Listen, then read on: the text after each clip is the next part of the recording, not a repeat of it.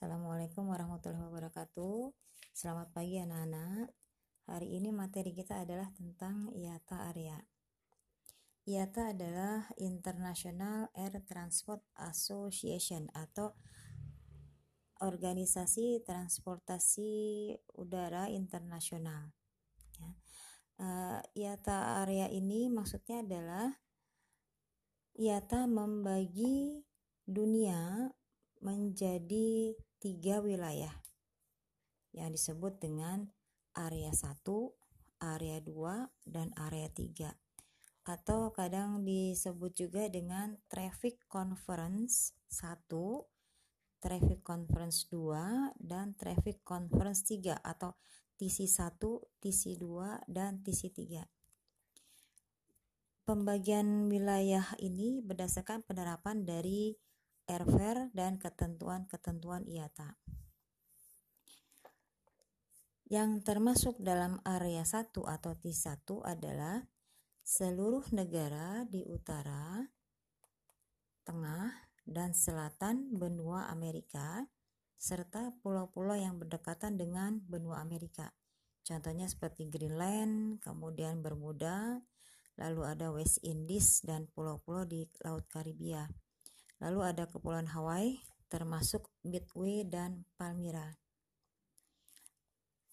Untuk area 2 atau TC2 itu meliputi seluruh negara yang terdapat di benua Eropa dan pulau-pulau yang berdekatan dengan, berdekatan dengan benua Eropa.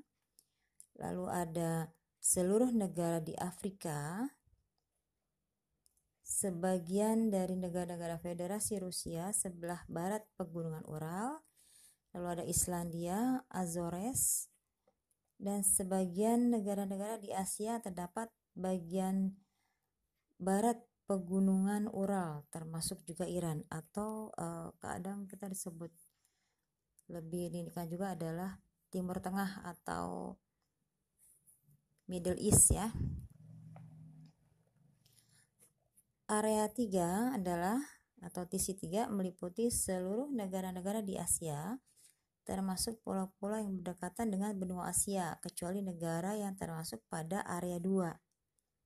Lalu sebagian negara-negara Federasi Rusia di sebelah timur penggunaan Ural, seluruh kepulauan di India Selatan, Australia, dan Selandia Baru, lalu ada kepulauan di Lautan Pasifik, kecuali yang sudah termasuk dalam area 1.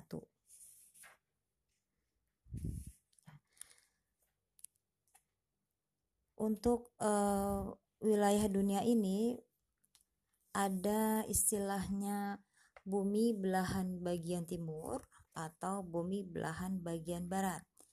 Atau yang disebut dengan kalau yang belah belahan bumi barat disebut dengan western hemisphere. Kemudian yang belahan bumi timur disebut dengan eastern hemisphere untuk Western Hemisphere itu yang termasuk adalah seluruh negara di area 1. Berarti keseluruhan Amerika atau Amerika Utara, Sentral Amerika dan Amerika Selatan itu termasuk dalam atau disebut dengan Western Hemisphere.